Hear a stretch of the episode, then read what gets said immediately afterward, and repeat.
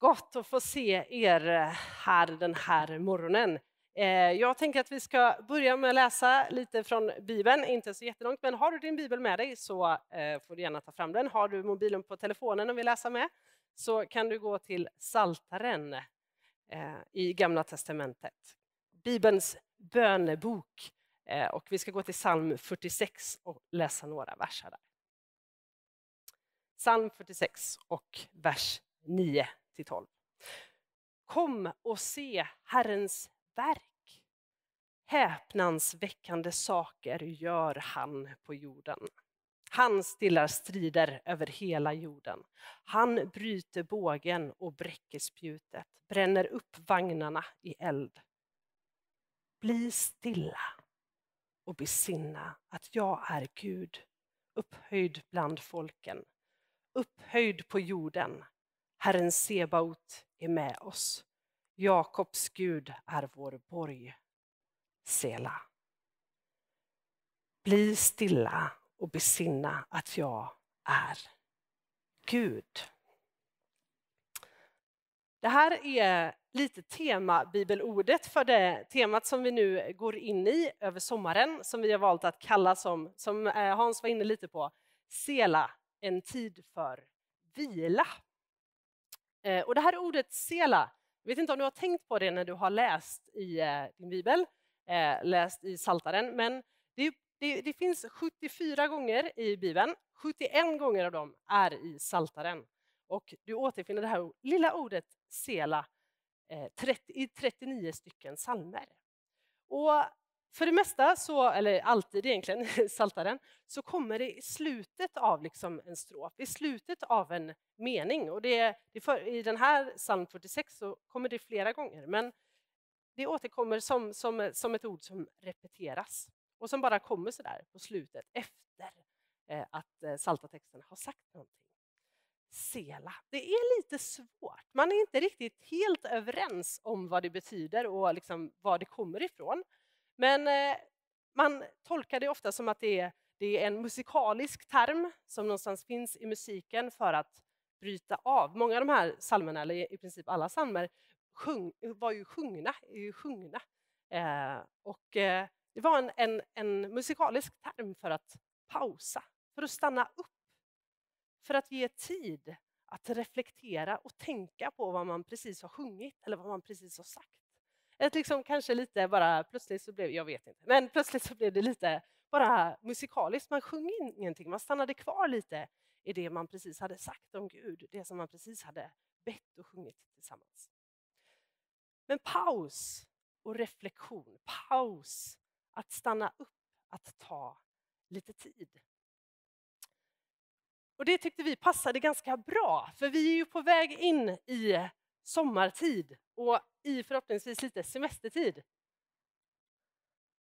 Den är inte helt hel den här stolen, men det kan hålla. Eh, försiktigt. Oj. ja, inte sitta så länge kanske. Eh, oj. Vi sätter oss på handduken istället. Då. Nej, men det är semestertider på gång. Kanske har du redan semester, kanske är det några veckor kvar tills det är dags för semester för dig. En semestertid. Kanske pluggar du, kanske studerar du. Eh, och det är inte när, du, när skolan är slut för terminen så är det sommarjobb på gång istället för att ha semester. Då ber jag för dig och ber att det ska få bli en tid där du får göra någonting annat, där du får kanske jobba och få en, ett litet miljöombyte, en tid då du kanske kan släppa saker och ting när du går hem från jobbet på eftermiddagen och inte ständigt vara upptagen av ditt, ditt plugg. För vi behöver, vi behöver den där pausen. Vi behöver någonting annat. Vi behöver ett, ett avbrott. Vi funkar så som människor. Gud har skapat oss sådana. Att livet behöver en form av rytm. En liten rolig grej bara.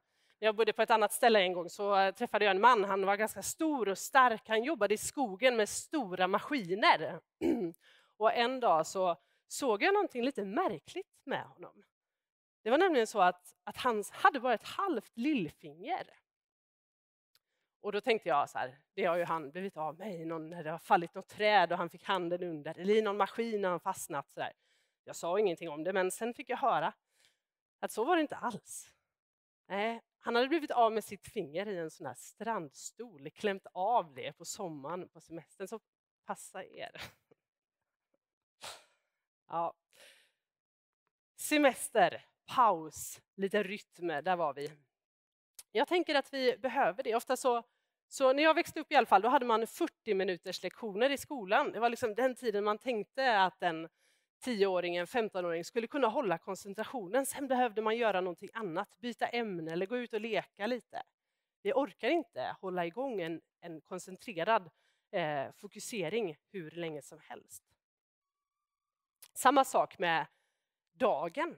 Dagen är ju uppdelad med rytm, Förr eller senare så somnar du förhoppningsvis. Vi, vi funkar så. De flesta av oss behöver en 7-8 timmars sömn varje dag för att fungera. Det är ju en rytm i dagen, eller hur? Vi sover, så vaknar vi och sen så går vi och lägger oss och sover igen. Det är, så, det är den rytmen vi lever i. Och på samma sätt så talar Guds ord, så talar Bibeln om att vi behöver en dag i veckan då vi pausar, då vi stannar upp. Vi ser det i skapelseberättelsen när Gud skapar världen. När han skapar jorden så gör han olika saker. Dag ett, dag två, dag tre, dag fyra, dag fem, dag sex skapar han människan. Då gör han man och kvinna. Och så tittar han på allt han har skapat och så säger han, det här är mycket gott. Och vad gör han sen? Sen vilar han på den sjunde dagen. Sen tar han en paus. Sen tror jag att Gud liksom lutar sig tillbaka i den där strandstolen. Och han, inte bara säger att han, oj nu är jag så trött så jag måste vila. Jag tror inte att Gud är sån, sån är vi, men sån är inte Gud. Jag tror att han lutar sig tillbaka och tittar på allt fantastiskt han har gjort. Och så tar han en stund och bara njuter av det. Nu har jag gjort det jag ska och jag glädjer mig över det jag har skapat, det jag ser. Gud tar en dag att njuta av det han har gjort. Och bara en passus i det, visst är det ändå lite häftigt att när Gud skapar människan så skapar han henne och det första hon får göra det är att vara med på vilodagen. Det är ändå en, en bra början. Det är ingenting vi förtjänar. Det är någonting som Gud har gett oss från dag. För vi behöver det. Vi behöver paus. I Andra Mosebok kapitel 20 då får Mose ta emot stentavlorna, han får ta emot Guds, eller tio Guds bud. De här liksom, det här är grunden för mänskligheten. Både för oss som individer men också för oss som gemenskap. Eh, för, framför allt för det judiska israelitiska folket men också bud som liksom är allmänmänskliga, som alla människor tror jag mår bra av att följa. De första buden de handlar om hur vi ska relatera till Gud och de fem sista buden de handlar om hur vi ska relatera till varandra i första hand, även om det alltid hänger ihop. Men det fjärde budet brukar man kalla för så här, det relaterar till båda de här på ett tydligt sätt.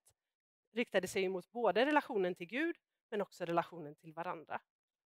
Det fjärde budet är sabbatsbudet och i Andra Mosebok 20 och kapit eller, eh, kapitel 20 och vers 8 och framåt så står det så här.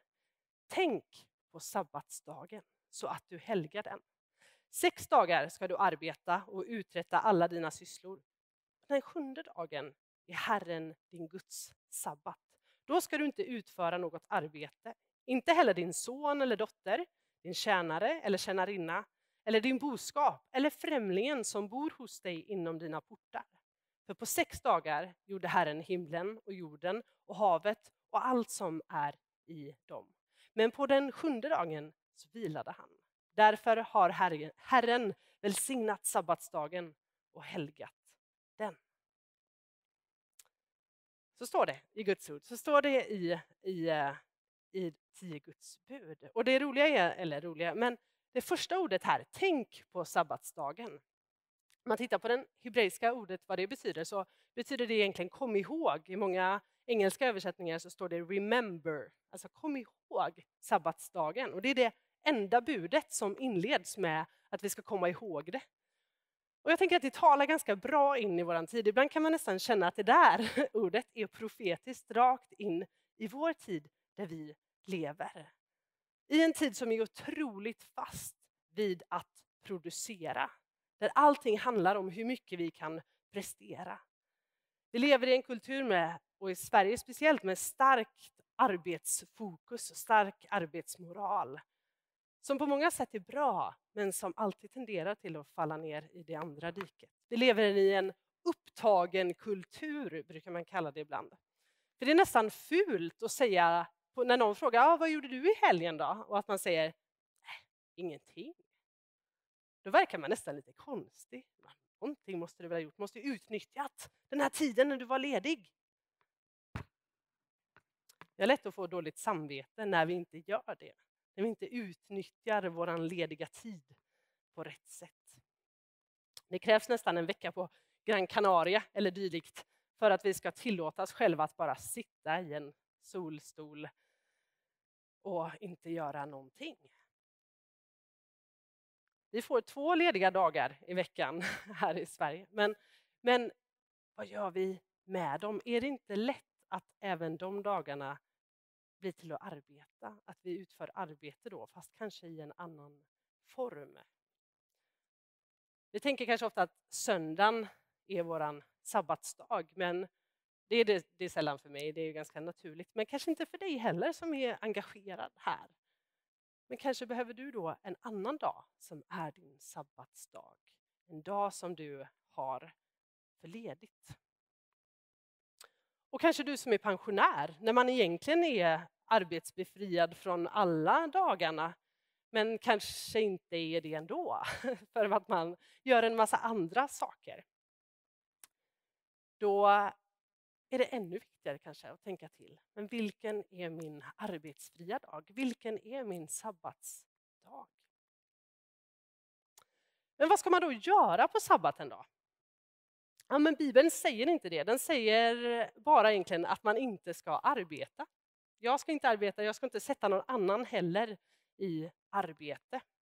På, på, på Jesu tid då hade judarna, de, de var, tror, det känns som att de var lite, hade lite, var lite ängsliga inför, okej, okay, man inte får arbeta. Då så fastnade de i att man inte fick arbeta och tappade lite vad som egentligen var själva syftet med sabbaten. Men man, man eh, tog fram helt enkelt eh, eller hur långt man fick gå, hur många steg man fick ta. Och det fanns bibeltext på det, men man fastnade väldigt mycket i att 1,2 kilometer får man gå får man röra sig liksom utanför stan där man bor.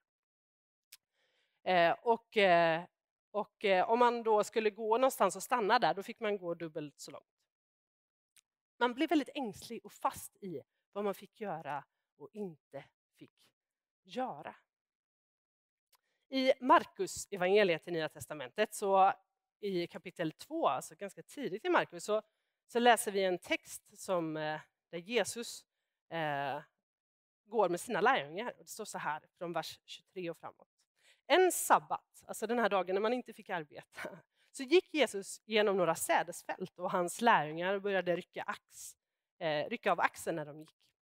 Då sa fariseerna till honom, se, vad, se, varför gör de sånt som inte är tillåtet på sabbaten? Han svarade dem, har ni aldrig läst vad David gjorde när han och hans män var i nöd och blev hungriga?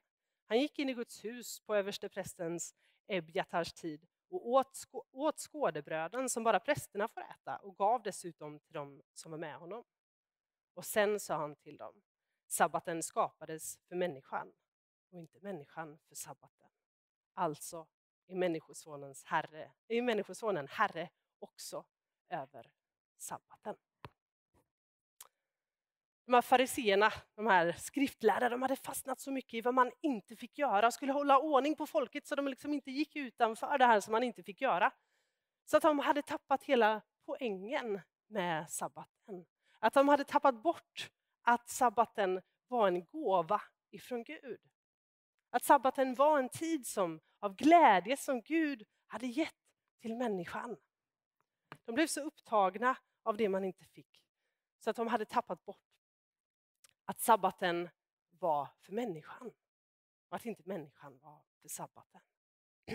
Så sabbat är en gåva ifrån Gud till dig och mig, en tid av vila.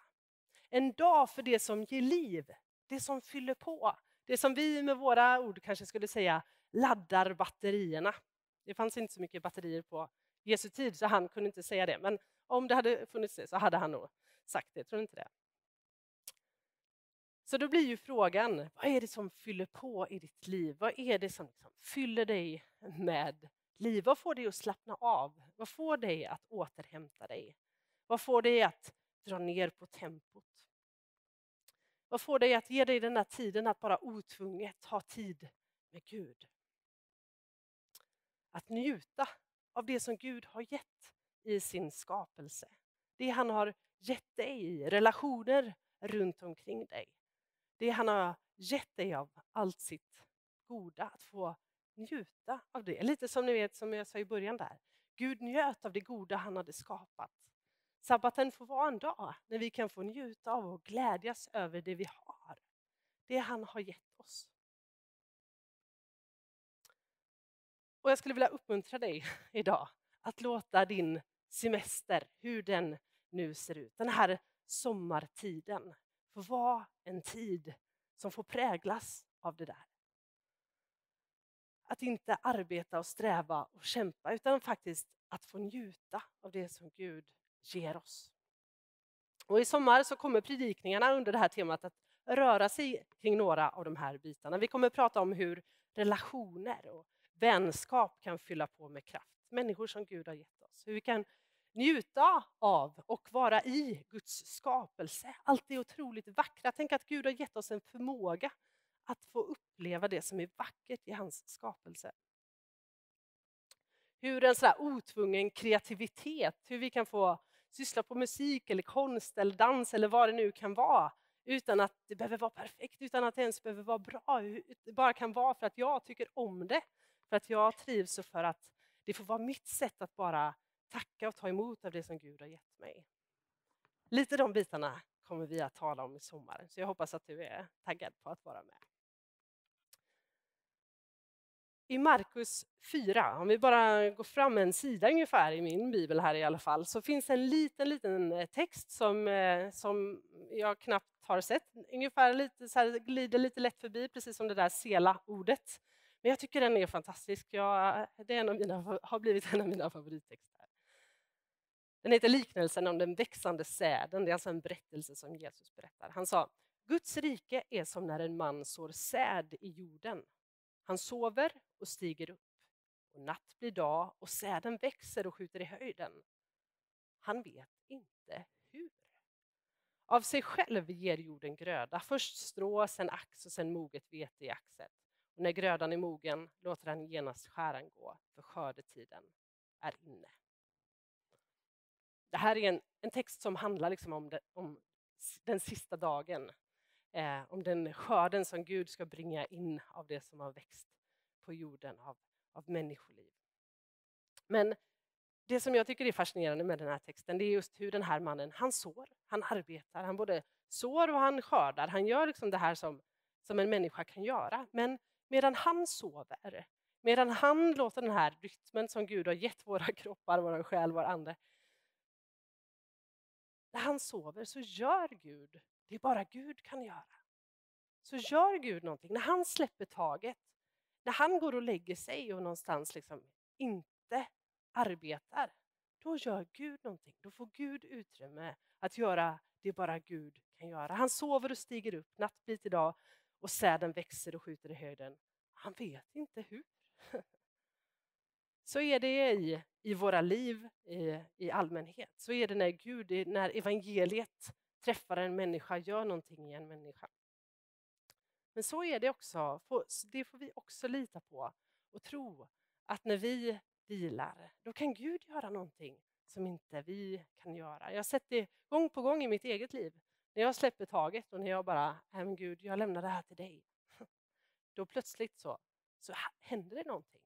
För Gud på, på något sätt får utrymme att göra när jag slutar försöka. Jag tror att vi kan ta med oss det på olika eh, sätt i våra liv, men framför allt att vi kan ge oss tillåtelse att vila.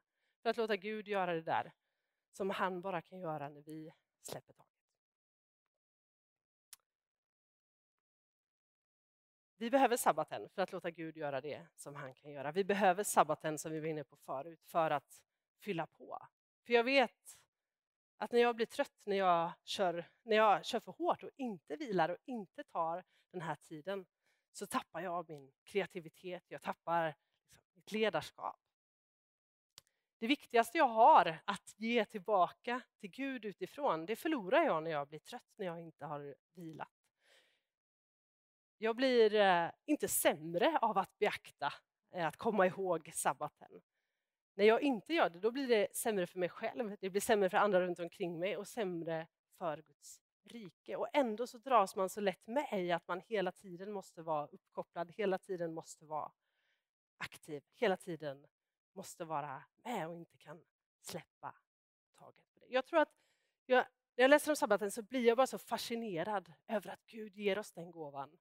En dag i veckan när vi bara kan få släppa taget, när vi till och med kan få, få bara släppa våra bekymmer, när vi inte behöver hålla fast.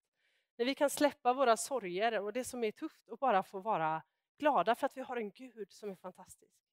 Där vi får vara glada för att vi har en Gud som älskar oss så otroligt mycket. Där vi bara får glädjas över att vi har en Gud som är villig att ge sitt liv för våran skull.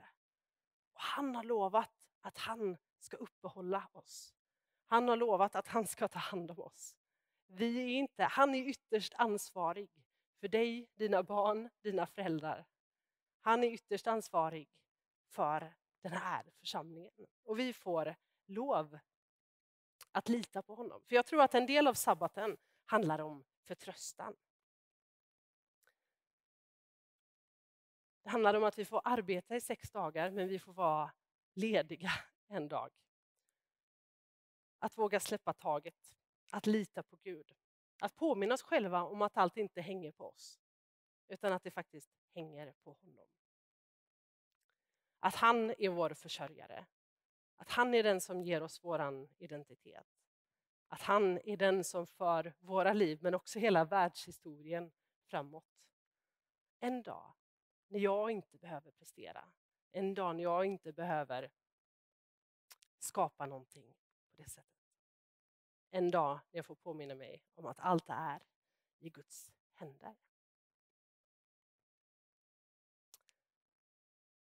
Sabbatsbudet innehåller ju att jag får vila, men det innehåller också att jag får ge andra vila. Du ska inte sätta dina barn i arbete på sabbaten. Du ska inte sätta dina tjänare eller din tjänarinna eller ens ditt boskap i arbete på sabbaten. inte heller främlingen som bor där du bor inom dina portar. Det tror jag också, för jag tror att det här är någonting, det här är inte bara för oss som individer, det här är någonting för oss som gemenskap, det här är någonting för oss som samhälle. Vi ser hur, hur vi lever i en tid full av, av stress, och oro, av utmattning, hur tiotusentals människor varje år blir sjukskrivna på grund av att man inte får en paus. Och det skulle jag säga är inte någon individs fel. Det, är inte, det kan vi inte skylla på någon och säga att du inte tog tid att vila, för vi har byggt liksom ett system, vi har byggt en kultur som, som föder det här. Och vi behöver hjälpas åt för att skapa någonting annat. Gud har så tydligt lagt ner det i oss. Gud har så tydligt lagt ner det i, vår, i, i Bibeln, i Guds ord. Och jag tror att vi har ett gemensamt ansvar där. Att hjälpas åt, att hjälpa varandra att vila på ett eller annat sätt. Jag har inte alla svaren, men jag har en sån längtan att vi som församling, att vi som gemenskap här, att vi skulle få vara en förebild i vårt samhälle på det här området. För vi ser hur det är så utbrett med utmattning i vårt samhälle. Tänk om församlingen kunde få vara en plats där vi på ett tydligt sätt, vi, vi vet att det inte hänger på oss som individer. Så att vi kan lita på Gud. Där vi vågar ta tid till att vila. Där vi kan, vågar vara annorlunda och där vi hjälper varandra att på ett annorlunda sätt skapa utrymme för oss själva eller för varandra att, att, att ta den här pausen.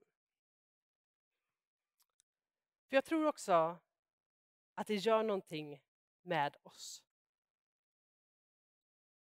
ännu mer. Att det gör någonting i våra inre liv. Att vi kan få se ännu mer av Gud när vi vilar. Att den där inre törsten, den där inre längtan efter Gud kan få mer, bli mer tydlig. Och är det inte någonting som vi vill hjälpa varandra till som gemenskap? Är det inte någonting vi vill hjälpa människor som inte har fått lära känna Gud än? Att få komma undan från den här upptagen kulturen, komma undan från den här prestationskulturen och faktiskt få se vem Gud är.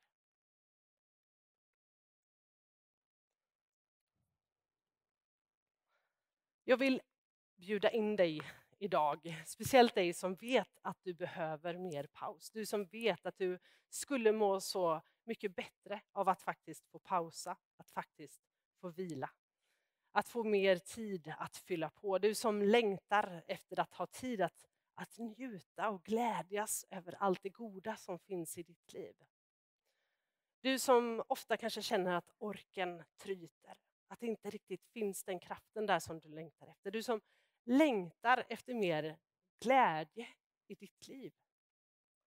Du som längtar efter mer frid. Dagens evangelium är att du får pausa. Du får vila, du får lov att stanna upp. Och du inte bara får, Gud befaller det. Han uppmanar oss på ett så tydligt sätt att göra det. För att han har skapat oss så, för att han längtar efter att få ha en dag med oss på det sättet. Han vill ha all tid och alla dagar. Men han längtar efter att vi ska få njuta av det som han har gett oss.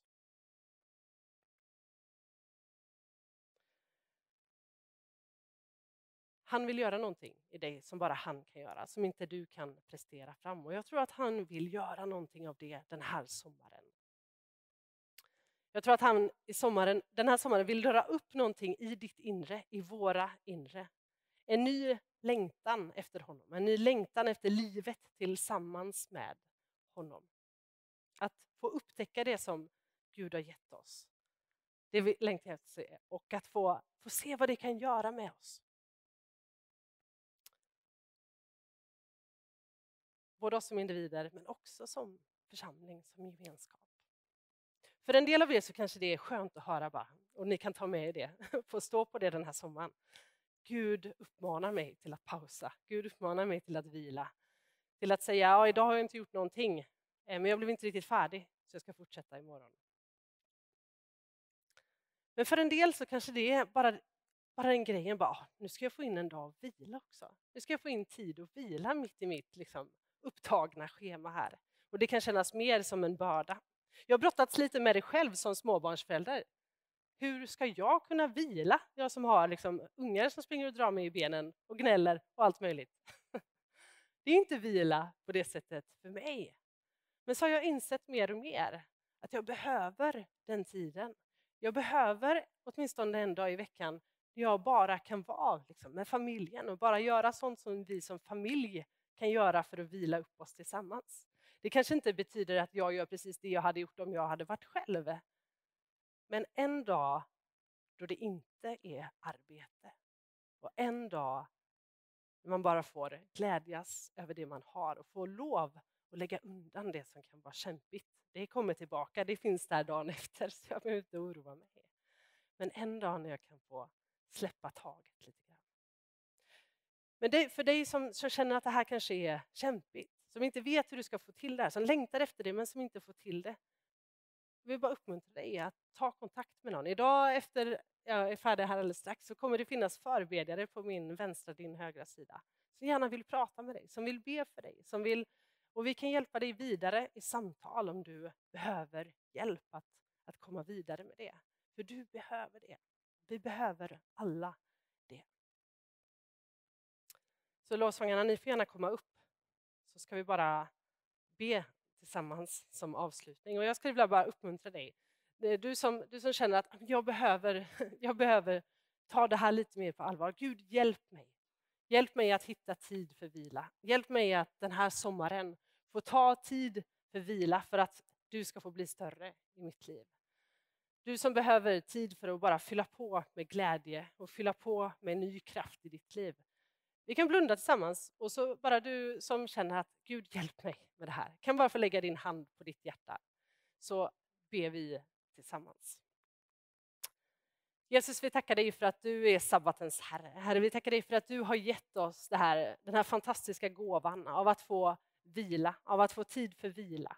Varje dag när vi, när vi får sova, varje vecka, Herre, när vi får ha sabbat, när vi får dra ner på tempot och få vila på vilket sätt det nu är för oss, Gud. Herre, jag ber om att du ska hjälpa oss som församling att få vila, Gud. Att vi ska hjälpa varandra att skapa tid för och utrymme för att vila och få njuta av dig och få njuta av det goda som du ger oss. Och Jesus, jag vill be speciellt för den personen som kämpar just nu. Som kämpar med att kraften sinar, som kämpar med att det inte finns utrymme för, för vila som man hade önskat och hoppats, Gud. Herre, jag ber om att du ska komma och fylla på med din kraft. Jag ber om att du ska hjälpa oss var och en att hitta utrymme och tid, Herre.